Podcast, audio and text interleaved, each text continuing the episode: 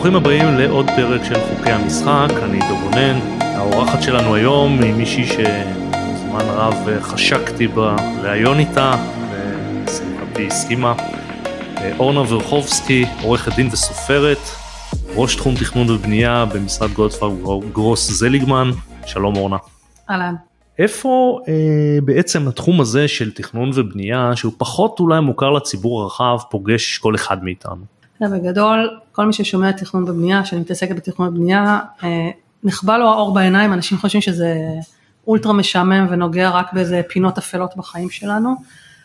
אבל האמת היא שזה פוגש באמת כל אחד בכל מיני מקומות, לא, לא רק כשסוגרים מרפסת בדירה, זה יכול לפגוש אותנו במכירה של נכסים, בהיטלי השבחה, זה יכול אה, אבל לפגוש אותנו יותר מזה, אנחנו שומעים על המטרו, כולם מדברים על המטרו ויהיה מטרו ולא יהיה מטרו וככה וככה ובינתיים במסדרונות של עולמות התכנון התוכניות מקודמות ומאושרות ומשפיעות על קרקעות ב, ב, בכל הערים המרכזיות, בכל הערים שבמרכז הארץ, ואנשים צריכים להיות מודעים לזה, צריכים להבין שיכול להיות שתכף יקרה משהו שישפיע גם על עצם הקרקע שלהם, גם על הערך של הקרקע שלהם, כל הזמן יש תהליכים, התחום של התכנון תחום מאוד מאוד דינמי, כל הזמן קורים בו דברים, כל הזמן קורים בו דברים שמשפיעים גם על אזורי מגורים, גם על אזורי תעסוקה, גם על האם אנחנו כן או לא יכולים להגיע עם הרכב מכאן לכאן ולחנות כאן או שם, זה באמת נוגע ב, ב, בכל אספקט של החיים, מי שעובד בתעשייה, בתעשייה כבדה, אז הוא מתעסק בזה בעולמות של התעשייה והרישוי עסקים, ומי שמתעסק בשינוע ובאחסנה פוגש את זה באיפה ממקמים מרלוג במדינת ישראל ומה עושים עם זה, באמת כל תחום עסקי פוגש את זה וגם בחיים הפרטיים שלנו אנחנו יכולים לפגוש את זה. וזה עובד לפי אותם כללים פחות או יותר בכל הארץ או שכל עירייה או מועצה והכללים שלה? ברמת העיקרון זה יש אה, קודקס אחיד לתכנון ובנייה, חוק התכנון והבנייה שעבר אה, רפורמה מקיפה לפני אה, לא כל כך הרבה שנים וכביכול זה אמור לעבוד אותו דבר בכל מקום אבל בגלל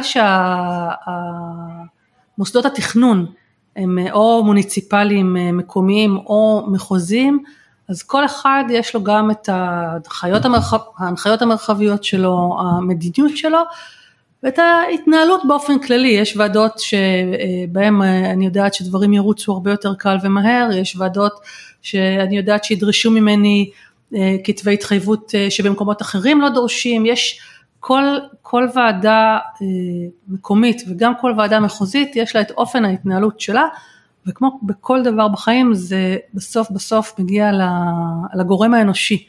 מי שנמצא שם ישפיע על איך שזה ייראה. ואם את מדברת על הגורם האנושי, מי שמרכיב את הוועדות האלה זה אנשי מקצוע או דרג נבחר פוליטי?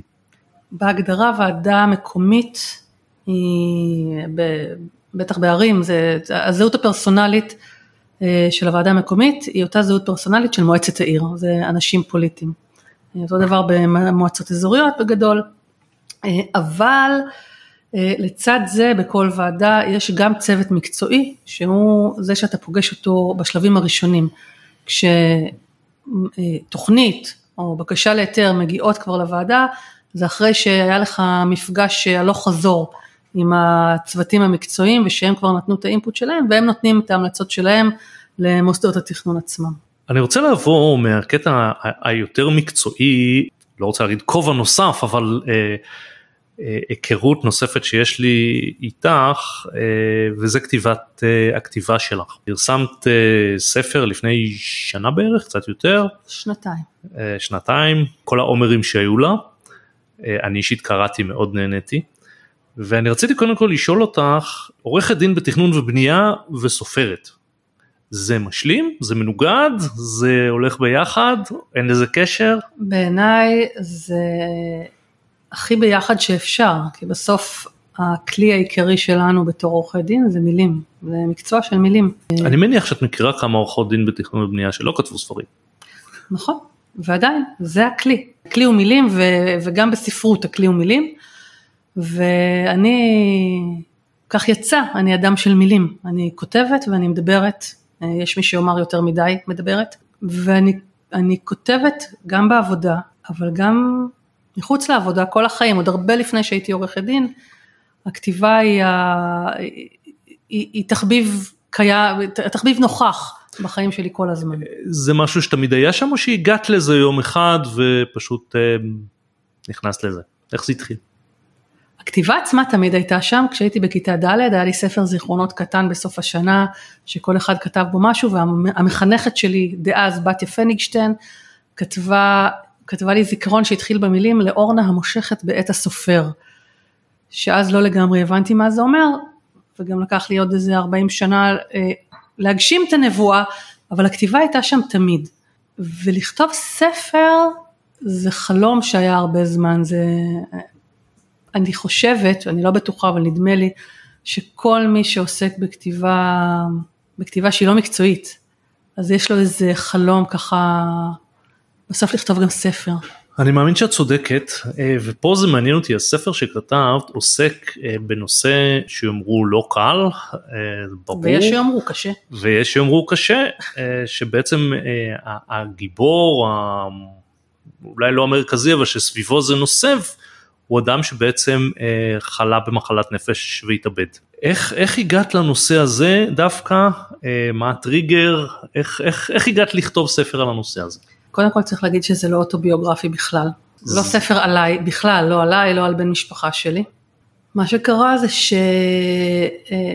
שאיפשהו לפני שש שנים, נדמה לי, בקבוצת וואטסאפ של החבר'ה מהצבא שלי, הגיעה הודעה שמישהו מהחבר'ה התאבד, ושיושבים שבעה אצל ההורים שלו.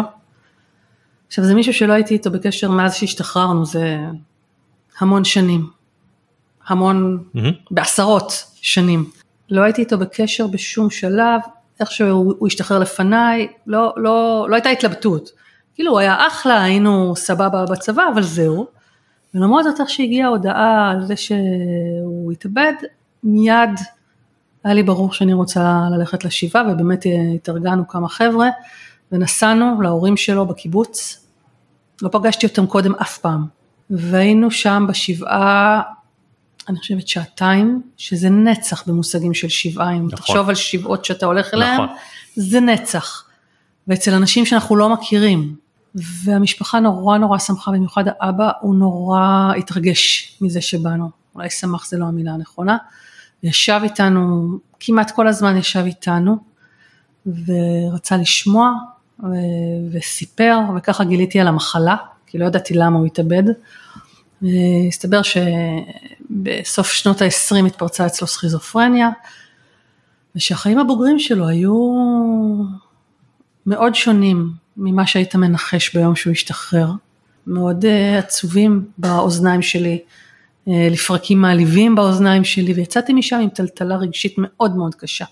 לא, הפער בין הבחור שאני זכרתי שבאמת היה מתוק ומקסים ומצחיק ויצירתי ו, ו, ואיש צעיר ומלא הבטחה לבין מה שקרה בסוף הפער הזה היה לי מאוד, אה, היה לי קשה להחזיק אותו.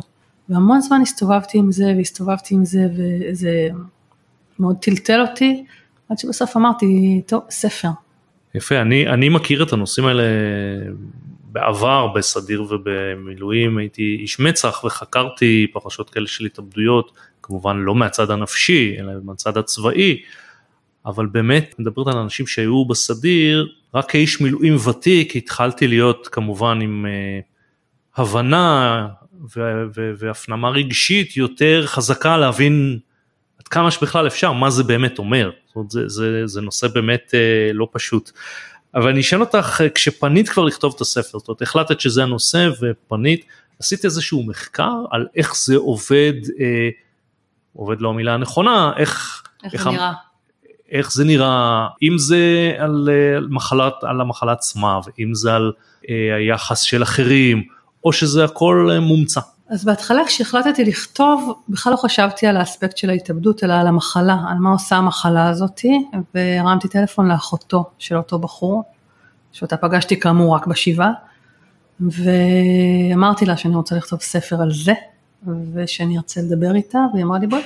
ובאתי וישבתי איתה ככה כמה שעות טובות, ושאלתי אותה בכל מיני ניסוחים, על כל מיני צדדים של החיים, איך זה נראה, איך זה נראה בפרוטות, לא בסיסמאות הגדולות. איך, איך זה נראה איך היום יום כשיש, נראה? כשיש אה, התקף פסיכוטי, איך זה נראה כשיש אשפוז וכפייה, איך זה נראה כשלוקחים תרופות, מה זה עושה לאיש עצמו, מה זה עושה בתוך מערכות היחסים בבית, מה זה עושה מול הקהילה שבתוך החיים, בין ההורים, בין, ה, בין ההורים לאחים, בין האחים לבין החולה, וממש ניסיתי ככה לצייר לעצמי תמונה, כי אני מכירה, אני מכירה בכל מיני מעגלים אנשים שהם פגועי נפש, אבל, אבל אף פעם לא במעגל הראשון שלי, וזה נראה אחרת כשזה במעגל הראשון. ואחרי שדיברתי איתה, דיברתי עם עוד מישהו שאני מכירה מאיזשהו מעגל חיים אחר שלי, שהבן שלו חי וחולה, ואז התיישבתי לכתוב. וביום שהתיישבתי לכתוב, הכתה בי ההבנה שהגיבור שלי הולך להתאבד רגע לפני הספר, ושבעצם כל הספר התרחש לאורך השבעה. ויחד עם ההבנה הזאתי, הבנתי גם שאני לא יכולה לראיין יותר אנשים שאהוביהם החיים חולים. ברור. מפחד הנבואה שמגשימה את עצמה וככה ברור. וככה. אז כאילו נגמר התחקיר, אה, זה היה מורכב, אבל מה שכן גייסתי את אחותי, שהיא פסיכיאטרית. ו... אז היא מכירה הרבה את הדברים האלה. אז היא מכירה האלה. את העולם הזה, ומה שעשיתי, גייסתי אותה, גייסתי עוד שלושה קוראי צללים שהם חברים שלי, ובסוף הייתי כותבת בלילות, ובסוף כל לילה היה פרק, והייתי שולחת אותו לקוראי הצללים, כדי שייתנו לי איזשהו הדהוד, אם אני... מאוד בכיוון. אם זה מעניין משהו, מישהו, אם זה מחזיק, אם זה... ואחותי קיבלה גם את ההנחיה ותדייקי אותי במקום הרפואי. אם אני כותבת משהו שהוא לגמרי מופרך, תדייקי אותי. אבל אני רוצה לשאול אותך על היבט שאותי יותר מעניין, את יושבת אחרי התחקירים האלה וכותבת את הפרקים, וכמובן יש את העניין הספרותי, איך לכתוב את זה יותר אה, נכון, מעניין, מושך, אה, אה, עם ביטויים כאלה ואחרים, אבל אחרי שכבר עשית את התחקיר וידעת על מה את כותבת ונכנסת יותר לניואנסים, מה זה עושה לך מבחינה רגשית, אם בכלל? או שבקטע הרגשי כבר היית אחרי אז ואת בקטע הספרותי יותר? לא, ברור שהייתי בקטע הרגשי. כל תקופת הכתיבה הייתה תקופה מאוד אינטנסיבית רגשית. על, כל, על איזה תקופה אנחנו מדברים? שלושה חודשים. Mm-hmm.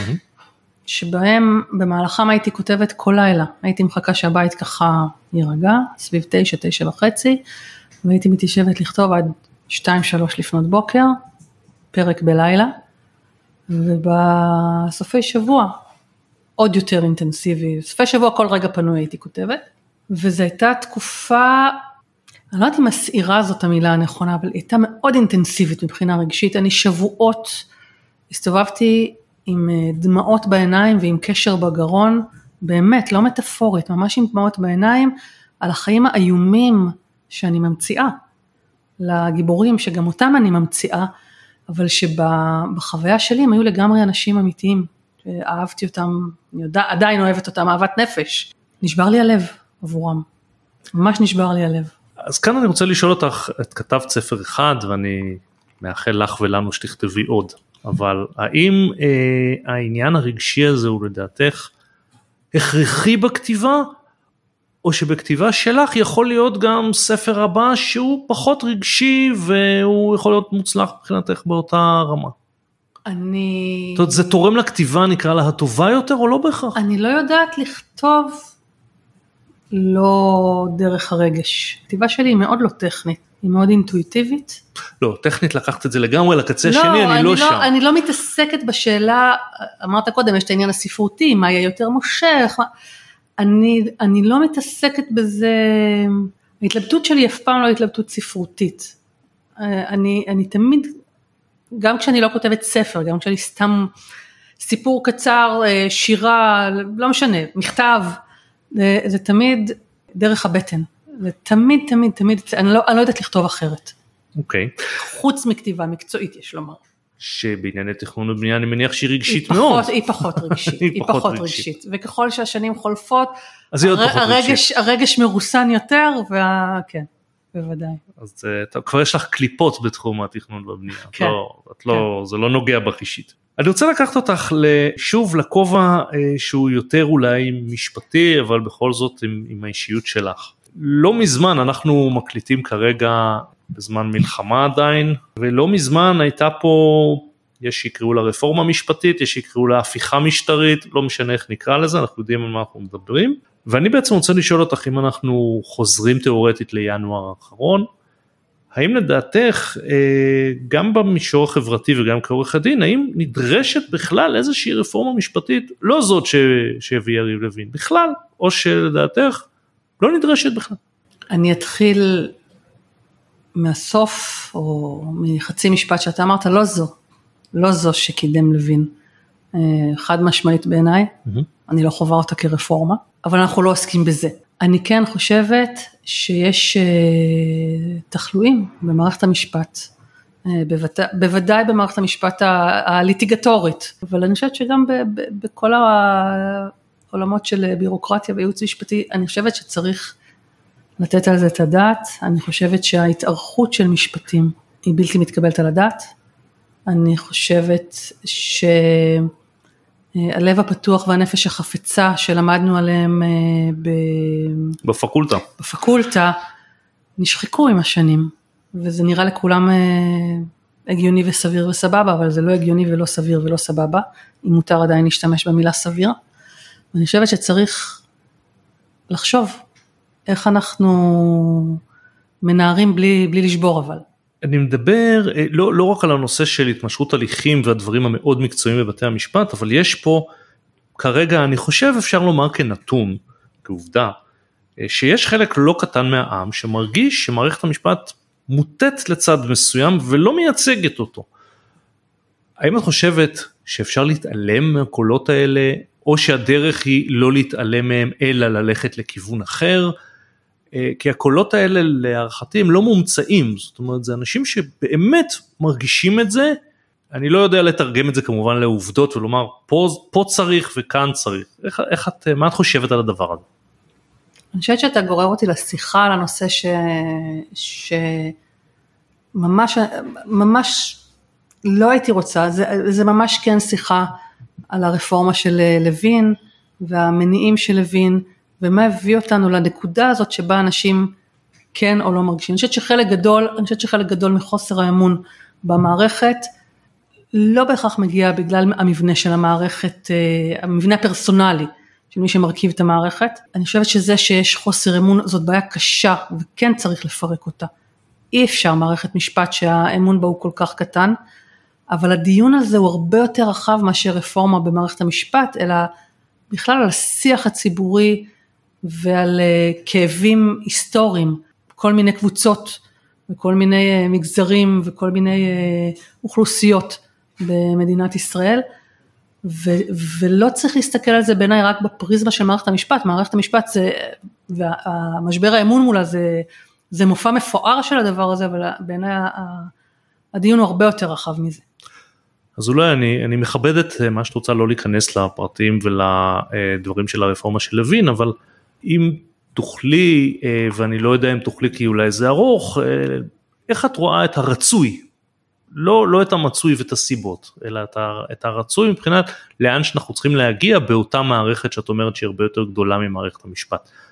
אני הייתי נורא רוצה, אני לא יודעת אם זה לחזור, בחוויה שלי זה לחזור, אבל למקום שהתפיסה הרווחת היא הרבה יותר פלורליסטית, באמת. שבה כאשר הצד השני של המפה הפוליטית מנצח בבחירות, זה לא סוף העולם, זה בסדר, זו דמוקרטיה וזה בסדר.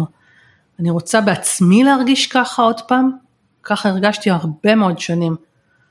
ואני רוצה שגם הצד השני שלי ירגיש ככה.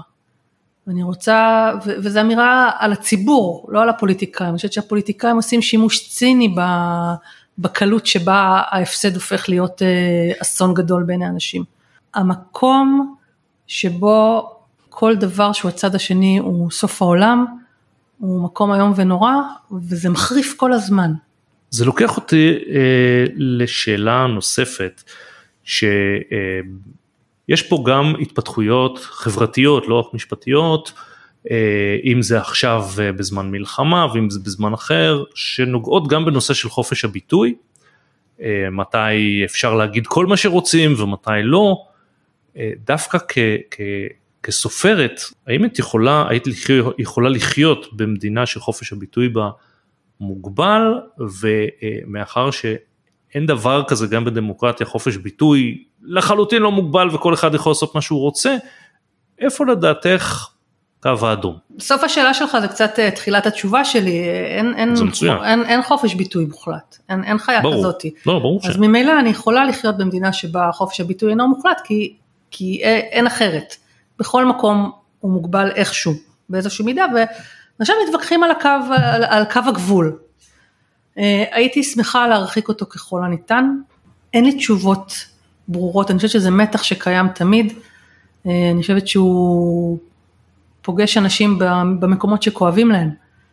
כאשר חופש הביטוי נוגע במקום שכואב לך, אז פתאום אתה רוצה שיהיה שם קו. וזה, אני חושבת שזה שיח שצריך להתקיים תמיד, ובדיקה שצריכה להתקיים תמיד. וחברה בריאה מנסה למתוח את הקו, אבל גם לראות את הדברים שמנגד, אין, אין תשובה מוחלטת על זה. זה ברור, אבל אם את מסתכלת היום אה, אינטואיטיבית מסביב, את חושבת שהדברים הם פחות או יותר נשתמש במילה הלא מדויקת בסדר? לא. לא. לא. אני מרגישה היום שחופש הביטוי, נגיד ככה, אני, אני אקח כמה, צ... כמה מילים אחורה ואנסח מחדש את התשובה. אני חושבת שפורמלית, כאילו לא השתנה שום דבר. כאילו לא השתנה שום דבר. זאת אומרת את מדברת על שינוי חברתי לא משפטי. נכון, משפטית שום דבר לא השתנה ואני אה, נהנית להאמין שאם אה, אנחנו מגיעים לבית המשפט אז גם בגדול הכללים ידועים, אה, ההלכות קבועות והן זזות אה, קצת לכאן וקצת לכאן, אבל אני חושבת שפורמלית לא השתנה דבר, אני חושבת שכן השתנה וכן יש בעיה שהיא בדיוק מתכתבת עם מה שאמרתי קודם, עם החוויה של כל דבר ש, שבו הצד השני מצליח זה אסון, זה מתלווה לזה הרצון אה, אה, להשתיק. אני חושבת שרמת האלימות, גם, גם המילולית וגם הפיזית, בחברה שבה אנחנו חיים היום, עלתה בסדרי גודל אה, מפחידים ביחס מסכים. לעשרות שנים אחורה, וגם ביחס לעשר שנים אחורה. ואנחנו במגמה שהיא לא טובה, ו, וחברה אלימה, בהגדרה שלה, גם, זה, משפיעה על, אה, על הנכונות של אנשים לבטא. אני חושבת שחופש הביטוי הוא לא רק אה, האם מותר לי, אלא כמה אני מרגיש שאני יכול לבטא, כמה אני מרגישה שאני יכולה. אנחנו מדברים על צנזורה עצמית ולא על אה, זכויות משפטיות. אנחנו מדברים על סיטואציה חברתית שבה יש דברים שאסור להגיד אותם. חברתית. כן, כן, אני מסכים איתך לגמרי. בואי נדבר קצת על האנשים במקצוע שלנו, מקצוע של עורכי הדין. יאללה בוא. יש את האמירה המפורסמת שבאה מפוליטיקאי, לא מעורך דין, של uh, כסף, כוח וכבוד. אוקיי. Okay. האם את חושבת שאנחנו עורכי הדין נגועים בזה פחות או יותר אותו דבר כמו כולם, או שבקרב המקצוע שלנו מנסים לפחות שה, שהדברים יהיו אחרת? אני חושבת שאנחנו מספרים לעצמנו שבמקצוע שלנו מנסים. אני חושבת שחוק המספרים הגדולים חל עלינו. עורכי הדין זה קבוצה ענקית של אנשים היום, גדלה בקצב מסחרר, בתוכה יש הכל. יש אנשים אה, מעניינים ומשעממים וחכמים וטיפשים, ישרים ולא ישרים, ויש הכל. אז יש כאלה שיגידו שלעורכי דין בתור שכאלו יש או צריך להיות תפקיד חברתי מסוים, ויש כאלה שיגידו שלא, שזה מקצוע, כמו כל מקצוע, ויש מהם כאלה שירצו לעשות משהו בעניין חברתי וכאלה שלא.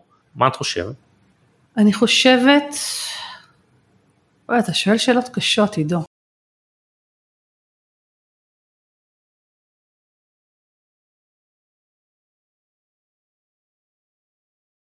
לשאול זה כאן. אני, ש... אני יודעת להגיד עליי, אני ברמה העקרונית משתדלת לא לחנך אחרים ולא להגיד מה אני חושבת על איך אחרים צריכים אה, לנהוג ומה צריך להיות סולם הערכים שלהם וכמה הם צריכים אה, לתרום או לא לתרום. אה, אני יודעת עליי שאני משתדלת להיות מעורבת, אני מעורבת בקהילה שבתוכה אני חיה, אני מעורבת ב... אני אדם מעורב, בגדול. להגיד שכל עורכי הדין צריכים, זה נראה לי, זה, אני חוזרת עוד פעם, חוק המספרים הגדולים, יש כאלה שכן, יש כאלה שלא, וזה בסדר גמור, יש כאלה שבאים לזה רק כדי להתפרנס, ועושים דברים אחרים אחר אז, כך. אז, אז אני חושב כמוך, אבל אה, האם בעצם נובע מהדבר הזה שאלה שמעורבים, נכון שיביעו ויקדמו עמדות פוליטיות, או שלדעתך עצם המקצוע הוא קצת סותר את זה? אני לא חושבת שהמקצוע סותר את זה, אני חושבת שמי שמרגיש שנכון לו לעשות דברים שהם פוליטיים, שיעשה דברים פוליטיים. אני, יש רק לברך על זה. אנשים רוצים לעשות משהו שישפיע חברתית. ואני חוזרת למה שאמרתי קודם, גם אם הם חושבים אחרת ממני, זה בסדר, זה בסדר. לא, זה ברור, לא, לא אבל- התכוונתי לדעה כזו או לא, דעה אני, אחרת. אומר, אני, אני, אני חושבת, המקום שבו נדמה לי שהשאלה אה, עולה זה המ... בצורה מאוד חדה, זה במקום של אה, לשכת עורכי הדין. שזה הדבר הבא שרציתי לדבר עליו, אז בואי נגיע ואשאל אולי לפני שאנחנו נכנסים לעמדות מסוימות, כל המוסד הזה של לשכת עורכי הדין, שדווקא אה, בתקופה האחרונה הוא מאוד לוהט בגלל ההפיכה הרפורמה, כל אחד יקרא לזה איך שהוא רוצה, אה, והעמדות שנקטו ראשי לשכה בעבר ובהווה, האם בכלל לדעתך יש צורך במוסד כזה, או שהוא צריך להיות וולונטרי, ו... או לא להיות בכלל, כמו נניח אצל רואי החשבון, שיש להם מועצת רואי חשבון במשרד המשפטים, ולשכת רואי חשבון זה גוף וולונטרי לחלוטין. אה, האם יש לו מקום, אה, והאם צריך להיות לו תפקיד חברתי, או שהוא גילדה מקצועית ולא יותר מזה? זאת שאלה שאין לי תשובה עליה, זאת האמת. אני, דעתי משתנה בהקשר הזה מעת לעת. אני חושבת שיש נימוקים נכונים בצד הזה ונימוק, ונימוקים נכונים בצד הזה. אה, אני כן מרגישה שבכל העולם של מבנה מערכת המשפט, רפורמות במערכת המשפט וכן הלאה, יש חשיבות לש, לשמיעה אה, של, של נציגי עורכי הדין. כי בסוף מי שפוגש את מערכת המשפט ב-day to day זה עורכי הדין, הם, הם הצינור ש- שבין הציבור לבין מערכת המשפט. גם ב- ברמת הכללים שצריך לקבוע, גם ברמת אה, השופטים, ההרכב, הרכב, אה, הרכבי בתי המשפט, אני כן חושבת שבמקום הזה כן נכון לשמוע את עמדת נציגי עורכי הדין. ואת חושבת שנציגי עורכי הדין, לא משנה כרגע אם זה הלשכה או מישהו אחר, יש להם מקום בגוף שממנה את השופטים, או שלדעתך זה בכלל לא חייב לכלול נציגי עורכי דין? אני חושבת שאם היינו מקיימים את הדיון הזה במקום נקי, לפני שזה יתערבב. לא, ו- לכן אני לא מדבר על הצד הפוליטי, אם לא, כן לא, או לא. אבל, אבל, אבל אי אפשר לשאול היום את השאלה הזאת בלי, בהתעלמות מזה שזה יתערבב במקום הפוליטי. אוקיי. במקום נקי בוודאי, בוודאי שצריך להיות להם אה, say, בוודאי שצריך להיות להם אה, איזה, איזשהו מעמד. אפשר גם אה, אה, לפתוח את הדיון על איזה מעמד צריך להיות להם בתוך זה, אבל בוודאי שצריך לשמוע אותם בבחירת השופטים. אבל ה- המקום שבו זה, הכל נהיה פוליטי, הכל, הכל, לא רק זה, הכל נהיה פול- פוליטי. הכל פוליטי ויש גם שיגידו שטוב אז, שכך. אז כאילו התשובה שלי היא, היא לובשת איזה בגד פוליטי, אבל היא הייתה בסדר. נכונה גם לפני עשור, לא, אבל, אבל היא הייתה נכונה גם לפני עשור, ולא בהקשר הפוליטי. אני חושבת שעניינית זה נכון שנציגי עורכי הדין יהיה להם איזשהו מעמד בהליך בחירת השופטים. את חושבת את זה גם לגבי השופטים עצמם? גם להם צריך להיות נציג במי שממנה אותם? כן. אבל עצרתי לחשוב על זה יותר, כפי ששמת ברור, לב. ברור. בואי נחזור רגע שוב לפן הספרותי. יאללה, הרבה יותר כיף. הרבה יותר כיף. אה, יש לך אה, פינה ב- ב- במשרד שבו במשך אה, תקופה מאוד ארוכה כל סוף שבוע את שולחת לכולנו שיר לשבת. יותר מעשר שנים, יותר מעשר שנים. יותר מעשר שנים. איך הזמן עובר שנהנים. קודם כל איך, איך את בוחרת את השירים אה, שאת שולחת? מעניין. זה מאוד משתנה, וגם מידת האנרגיה המושקעת בזה היא מאוד משתנה. אני יכולה להגיד שבהתחלה זה הדיר שינה מעיניי בחודשים, בשבועות הראשונים, בחודשים הראשונים, זה היה כמו ללכת על אה, גחלים לוחשות. הדבר הזה שאני שולחת לכולם מאוד אה, לחיץ אותי. יש פעמים שבהם אני יודעת שאני רוצה שיר שקשור לאיזה משהו שקורה מועדי ישראל, חג המולד, המלחמה שפרצה, איזשהו משהו שקורה בעולם, אני מחפשת משהו שמתכתב עם הדבר הזה, ואז אני ממש מחפשת באופן אקטיבי, ומתייעצת עם אנשים שאני יודעת שקוראים שירה וכן הלאה וכן הלאה. יש פעמים איפשהו לאורך השבוע, אני, השיר פוגש אותי. מישהו שולח, אני רואה באיזה פלטפורמה, אני, שיר פוגש אותי ואני אומרת, או הנה זה, זה. ויש פעמים שלא זה ולא זה, ואני ככה מתוך ההיכרות שלי, מתוך... אה, פשוט בוחרת. כן, פשוט בוחרת שיר. מה זאת שירה בשבילך? איך הגעת לעולם הזה? אני למדתי חמש יחידות ספרות בבית הספר התיכון, והייתה לי מורה בשם אה, גילה רונן, שהייתה מורה אגדית לספרות, שכשהיא דיברה על ספרות היה לה אור בעיניים ופשן. ו... המורים הכי טובים. והיא פתחה לי, היא, היא פשוט פתחה לי עולם. ואני זוכרת עד היום את השיעור על, על השיר הכניסיני תחת כנפך של ביאליק, ואיך היא לוקחת אותנו לאורך השיר ואיך היא מראה לנו שהבית הראשון והבית האחרון למרות שהמילים הן זהות, זה אותו הבית, זה כאילו חזרה על אותו הבית, הבית האחרון הוא כבר עם משמעויות אחרות לגמרי בגלל הדרך שעברנו לאור, אני לא אשכח את השיעור הזה, זה היה שיעור מרגש. עכשיו, אני הייתי מתבגרת, בוא, קשה, ברור. הייתי מתבגרת, ציניקנית, מגעילה, קשה היה לרגש אותי, זה היה מרגש, שם זה התחיל. ואז בחרתי לעשות חמש יחידות ספרות ו... וזהו. ואת קוראת שירה במשך השנים, לא רוצה להגיד באופן קבוע, אבל uh, uh, זה משהו שהוא חלק מהעולם שלך uh, במשך השנים? כן, יש תקופות שיותר, יש תקופות שפחות, גם קריאת פרוזה, יש תקופות שאנחנו יותר פנויים לזה, אני, שאני יותר פנויה לזה ויש תקופות שפחות, אבל לגמרי, לגמרי, שירה זה חלק מהעולם שלי. איזה תגובות את מקבלת, בלי שמות כמובן, מאנשים בתוך המשרד שהם רבים, על הפינה הזאת? אוי, התגובות הן מהממות. אה, הדבר שהכי הכי הכי אני אוהבת בפינה הזאת, זה שמגיבים. אנשים בדרך כלל מגיבים כש, כשנגעת בהם. ברור. כשהשיר נוגע בהם, אתה תקבל מייל. יש כאלה שמגיבים לעיתים תכופות יותר, יש כאלה שפעם ב...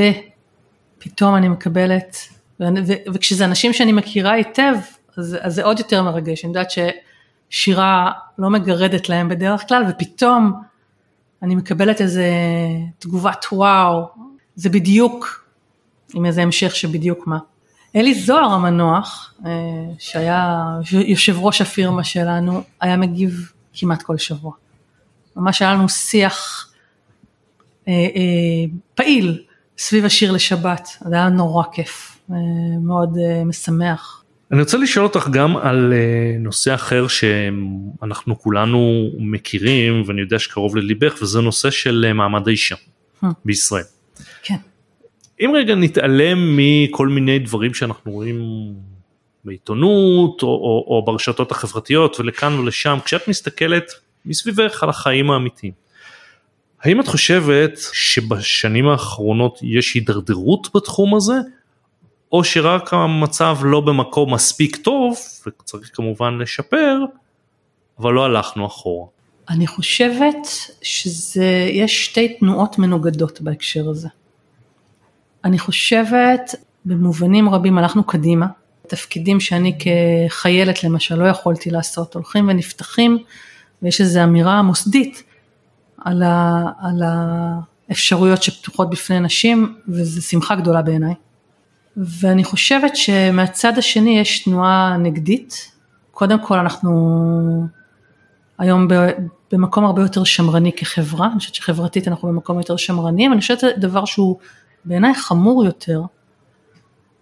אני חושבת שכהורים, גם אנחנו הליברלים, אני ליברלית, רגע צריך להגיד, אז כהורים אנחנו קצת פספסנו, ואני ראיתי את זה למשל כשהילדים שלי היו בגן, הילדים שלי כבר אה, גדולים מגן היום, יש לי ילדה בצבא, שתהיה בריאה וחזקה, כשהבת שלי הייתה הולכת לגן, בכל הגנים שהיא הייתה בהם, כשהיא הייתה נכנסת, אז היה איזה עיסוק ב...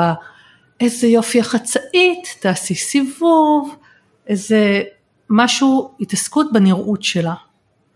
בפורים כל הבנות, ללא יוצא מן הכלל, היו מתחפשות לנסיכה קלה, מלכה, חיפושית היה הכי גברי שהיית מוצא שמה. בנים, יש לי שני בנים גם, כשהם היו נכנסים לגן, היה צריך שמשהו יהיה באמת בולט בלבוש שלהם, כדי שמישהו יעיר משהו על איך שהם נראים. סמכו עליהם, חיבקו אותם, תמיד הגיבו עליהם, אבל הנראות כאילו הייתה פחות, פחות בעניין. אני כשהייתי ילדה, יש לי תמונות שמעידות, התחפשתי לקאובוי, התחפשתי לאינדיאני, כאילו המקום המגדרי, היום הולדת שעושים לבנות עושים לבת יום הולדת נסיכות, מי יעשה יום הולדת נסיכות? מה, למה?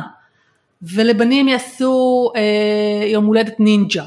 ומעטות הבנות, יש, זה קורה, אבל מעטות הבנות שיגידו אני רוצה יום הולדת נינג'ה. ואנחנו מאוד מסלילים את הבנות שלנו למקומות הנשיים המסורתיים. זה מבאס אותי. אז, אז אה, בואי נספר סיפור.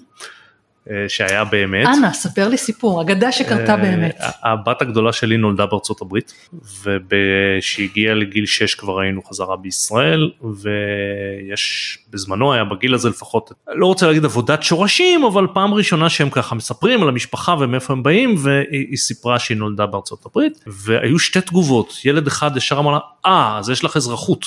וילד אחר אמר לה, טוב, אז מה יוצא לך מזה? מה את יכולה לקבל מזה? והיא ענתה, אני יכולה להיות הנשיאה.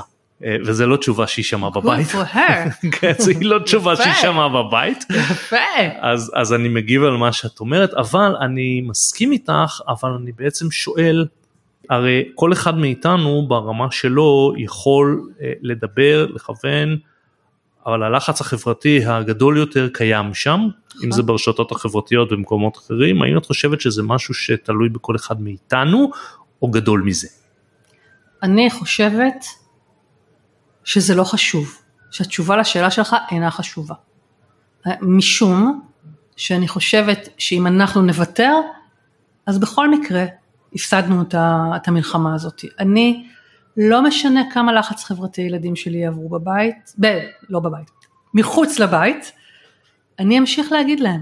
ואני אמשיך להיות המודל שבו אימא... לא לגמרי, זו לא הייתה שאלה שלי, אולי לא העברתי את עצמי נכון. אני לא בא לבוא להגיד שאת צריכה להרים ידיים, כי... לא, ולכן זה לא חשוב אם, אני, אם, אם יש לי השפעה או לא. אני חושבת שבוודאי שיש לי השפעה. אני חושבת שבוודאי שיש לי השפעה, אני חושבת שהאופן שבו הילדים שלי תופסים את המקום של אה, אישה וגבר בעולם הזה, בהחלט נגזר מהמודלינג שהם מקבלים בבית. לא, זה ברור, זה ברור, אני שואל אחרת. מה שאת עונה הוא תנאי הכרחי. אני בעצם שואל האם הוא מספיק. זאת אומרת, איך גורמים לזה לעלות לשלב הבא, ואני מודע לזה שאת צודקת לגמרי שהרבה מאוד אנשים לא עושים את זה בבית. אז קודם כל, אם הרבה אנשים לא עושים את זה בבית, אז אז שוב אני עונה שהתשובה לשאלה היא לא חשובה, אבל אני כן, אני, אני אגיד ככה, נגיד במשרד כמו אה, המשרד שלנו, אה, גולדפרב גרוס, אני כן חושבת שחשוב שהדבר הזה יהיה על השולחן. אני חושבת אה, שחשוב שיום האישה הבינלאומי יצוין, ויצוין באופן שהוא עם מהות, לא עם מהות, לא עם... דווקא יום האישה? יום האישה זה יותר סמל. יום האישה הוא סמל. יום האישה הוא סמל. לא, ועד. ש... ועד שאנחנו לא נגיע... אבל אנחנו מדברים על, על שיפור אני, ביומיום, לא על חושבת, סמלים. אני חושבת שזה אחד מזה, שזה אחד מהדברים. אני חושבת שהסמלים הם חשובים. כמו שצריך את מצעד הגאווה כי אין שוויון זכויות, אה, וכי לא לכולם ברור שזה בסדר, אותו דבר נשים, הסמלים למקום של האישה בחברה הם חשובים. אני חושבת לס, לשים את המודעות לדבר הזה על השולחן, לדאוג לזה שאנשים יהיו מודעים לזה, חשוב. אני, למשל, ברעיונות עבודה. רעיונות עבודה מגיעים נשים ומגיעים גברים, והשאלה, האם באמת אנחנו מתייחסים אליהם אותו הדבר. ואני אתן לך דוגמה מהחיים שלי, mm-hmm. שלי כמחפשת עבודה. כשחיפשתי התמחות, שלחתי קורות למרות. שאנחנו לא מדברים על, על תקופת הזמן הזו, דברים זה השתנו נכון, אולי. זה נכון, אוקיי. אבל עדיין לא הגענו לשוויון מלא ולכן זה בעיניי רלוונטי ושם פגשתי את זה אבל את החוסר מודעות. המון אנשים שאני מכירה חושבים שהם אה, תופסים את העולם אה, באופן שוויוני. שגברים ונשים הם מתייחסים אליהם אותו הדבר כשזה בא למקום המקצועי. כשאני חיפשתי התמחות היו לי קורות חיים פנטסטיים, באמת פנטסטיים, היה לי גיליון ציונים מפואר, היו לי מכתבי המלצה ממרצים אה, נחשבים ומוכרים, למדתי באוניברסיטה העברית, באמת היה לי, היה לי CV מצוין. והייתה רצה רשימה של משרדים, שלחתי ל- לרשימה שרצה, ומי שהיה אז בן הזוג שלי למד איתי, היה לו גם CV מצוין, ציונים טיפה פחות משלי, מכתבי המלצה טיפה פחות, אבל CV מצוין. ושלחנו בדיוק לאותם משרדים, הוא קיבל בערך פי שניים זימונים לרעיונות. כן, אבל. פה, פה אני אומר אה, בזהירות, אני לא עשיתי על זה מחקר אמפירי, אני לא יודע אם זה היה נכון, אם היית שוב היום אז ושולחת את המכתבים היום. זה נכון, אבל היום, אבל היום כשאתה, אני מסכימה איתך, כי, וגם כי יש היום הרבה, שינוי, נכון, ב-20-30 יש כל שנה האחרונות היה שינוי. יש כל הזמן שינוי, לא 30 שנה, בוא לא נגזים, אני לא מדבר לא, רק עלייך. כזו, לא כזו זקנה, אבל תסתכל על העמדות הבכירות. אני חיפשתי אז התמחות, עברו 30 שנה, יכול להיות שבמחפשי התמחויות ומחפשי משרת עורך דין, חל שינוי דרמטי ויש מחצית או יותר עורכות דין. עכשיו תסתכל על העמדות הבכירות בכל המשרדים. יש הרבה יותר גברים מנשים. חד משמעית, בלי תחרות, אין שאלה, זה, זה כל כך מובהק, תסתכל על הקבינט ה- המדיני חברתי של מדינת ישראל, של ממשלת ישראל, רק גברים, אז- רק אז- גברים. אז זה מוביל אותי לכמה שאלות מעניינות. אה, דיברת על על העניין המקצועי, אה, ואת היום כבר בעמדה שאת כבר זאת שמראיינת ולא מתראיינת ומגיעים אלייך אנשים, אה, עורכי דין, עורכות דין, לא משנה. ובהינתן שמגיעים אלייך אנשים עם קורות חיים פחות או יותר שווים, האם נכון לדעתך לעשות העדפה מתקנת או שהכלי הזה הוא לא כלי נכון? אני חושבת שאין, אני חושבת שזה פיקציה להגיד אה, מגיעים שניים שהם פחות או יותר שווים. כי בסוף יש את מי שמוצא חן בעיניך יותר ומי שמוצא חן בעיניך פחות.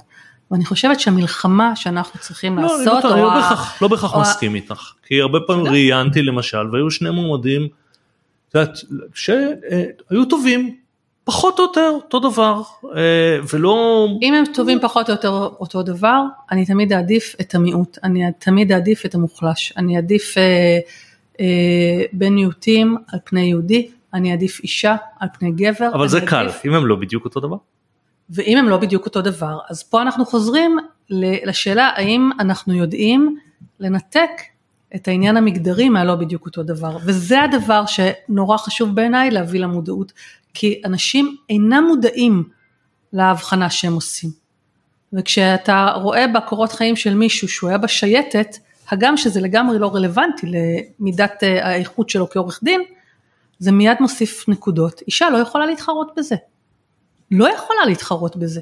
אז אני רוצה לקחת אותך לפן נוסף של מעמד האישה, וזה מה שכולנו מכירים כחוקי אה, נישואין וגירושין בישראל. כאשר אנחנו אה, מכירים שהם בעצם מבוססים על דין דתי, יהודי, מוסלמי, לא משנה כל אחד והדת שלו, אה, ויש, לפחות אני מדבר על יהודים כרגע, פלח אוכלוסייה די גדול שזה מאוד חשוב לו, הנושא הזה של נישואים דתיים. האם את רואה איזושהי פשרה בעניין הזה או שזה מתח מתמיד שנגזר עלינו לחיות איתו? השאלה היא לא אם אני רואה בעניין הזה פשרה. אני התחתנתי בנישואים אזרחיים, צריך רגע להגיד, נסעתי לגיברלטר, גם אני. היה מהמם, היה מהמם בגיברלטר, מקסים, היה לי הנומה כתומה, היה מהמם. אה, יכולתי להרשות לעצמי. אני חושבת שזה נורא חשוב שהמדינה תיתן את האפשרות הזאתי, אבל זה לא אני צריכה לחשוב שצריך פשרה, כי לי התשובה ברורה, כי לי זה לא בנפשי. והשאלה היא איך מביאים את מי שזה כן בנפשו להבנה שיש אנשים שחושבים אחרת וזה בסדר. ועוד פעם אנחנו חוזרים להתחלת השיחה בינינו, ההבנה שיש אנשים שהאמונה שלהם היא שונה. ושהדעות שלהם הן שונות, ושכל תפיסת העולם שלהם היא שונה, וזה בסדר, הדבר שקשה להגיע אליו בעיניי. ברור שהוא קשה, אבל את יודעת, אני אגיד את זה ואני אומר את זה גם על עצמי, בהיותך ליברלית זה קל לך להגיד. נכון. כי, כי לצד הליברלי זה קל להגיד. זה, בהיותי ליברלית ברור שזה מה שאני חושבת, אני רק לא יודעת איך, אה, אה, איך עושים שמי שלא חושב כמוני יגיד לי, את יודעת משהו? תחי כמו שאת חושבת. זה בסדר גמור מבחינתי. אני לא יודעת, אני לא יודעת איך עושים את זה. האמת שהמון שנים חשבתי שזה המצב. אני מקווה שבמידה מסוימת הרבה אנשים שלא חושבים כמוני עדיין חושבים שזה בסדר שאני אחיה כמו שאני רוצה. אבל... אה, איך היית מגדירה את עצמך? יהודייה, ציונית, ללא דת, אה, מעבר להיותך ליברלית? הרגת אותי. אני קודם כל ישראלית, mm-hmm. אני ציונית בהחלט. אני יהודית אבל לא דתייה. אני אדם לא מאמין מבחינה דתית, אני חילונית גמורה, אבל אני כן מאוד מחוברת למסורת שהיא שלי אבל. אני מדליקה נרות בחנוכה, כי זה משהו שהוא שלי, מהבית mm-hmm. שלי, מהמשפחה שלי, אני חושבת שזה איזשהו רובד, המסורת היהודית היא איזשהו רובד אה, בתרבות שמרכיבה אותי, אה, שהוא בעיניי רובד חשוב, אני מנסה להנחיל אותו גם הלאה. אם נסכם באיזה מין אמירה באמת שהיא לגמרי אישית שלך כי אף אחד מאיתנו לא נביא. אנחנו כעת בתקופה של מלחמה אחרי שבר חברתי מאוד גדול, אה, שכחברה, גם כמדינה, חטפנו מכה לא קטנה, ואנחנו באמצע. אבל ברמה החברתית, האם את מאמינה שלמדנו איזשהו לקח, או שאת פסימית בעניין הזה ואת חושבת שהאחדות שאנחנו רואים מסביב לא תחזיק אה, מעמד הרבה זמן? גם בזה תלוי באיזה שעה ביום אתה שואל אותי את השאלה הזאת. אני רוצה להגיד שבהפוך על הפוך, מה שקרה חברתית במלחמה, זה המקור תקווה היחיד שאני רואה בהקשר של החברה הישראלית. אני הייתי מאוד מאוד פסימית באספקט החברתי בשישה באוקטובר, ובחמישה ובארבעה וכן הלאה, ופתאום יש איזה ניצוץ כזה שאתה אומר, אוקיי, אולי בכל, בכל זאת, בכל אולי זאת. בכל זאת. והעזרה ההדדית וההתגייסות והכתף אל כתף הזה, אני, אני, אני כמעט מרגישה הריונית, הורמונלית, מבחינת כמה מהר אני פורצת בדמעות בימים האלה, בהתרגשויות. כמובן גם, גם מהסיפורים העצובים, באמת, אין סוף כאב, אין סוף עצב, אבל גם במקומות המשמחים, הכל נורא מרגש. כי דקה לפני זה הכל היה נראה כמו סוף העולם הגיע. האם זה יחזיק? אינשאללה, מה אני אגיד לך? אז בנימה אולי אופטימית הזאת אה, נסיים, אני רוצה להודות לך, היה לי. לעונג. אה, עד כאן עוד פרק של חוקי המשחק, אה, תוכלי אה, למצוא אותי אה, בלינקדאין, פייסבוק וכמובן בגולדפארם.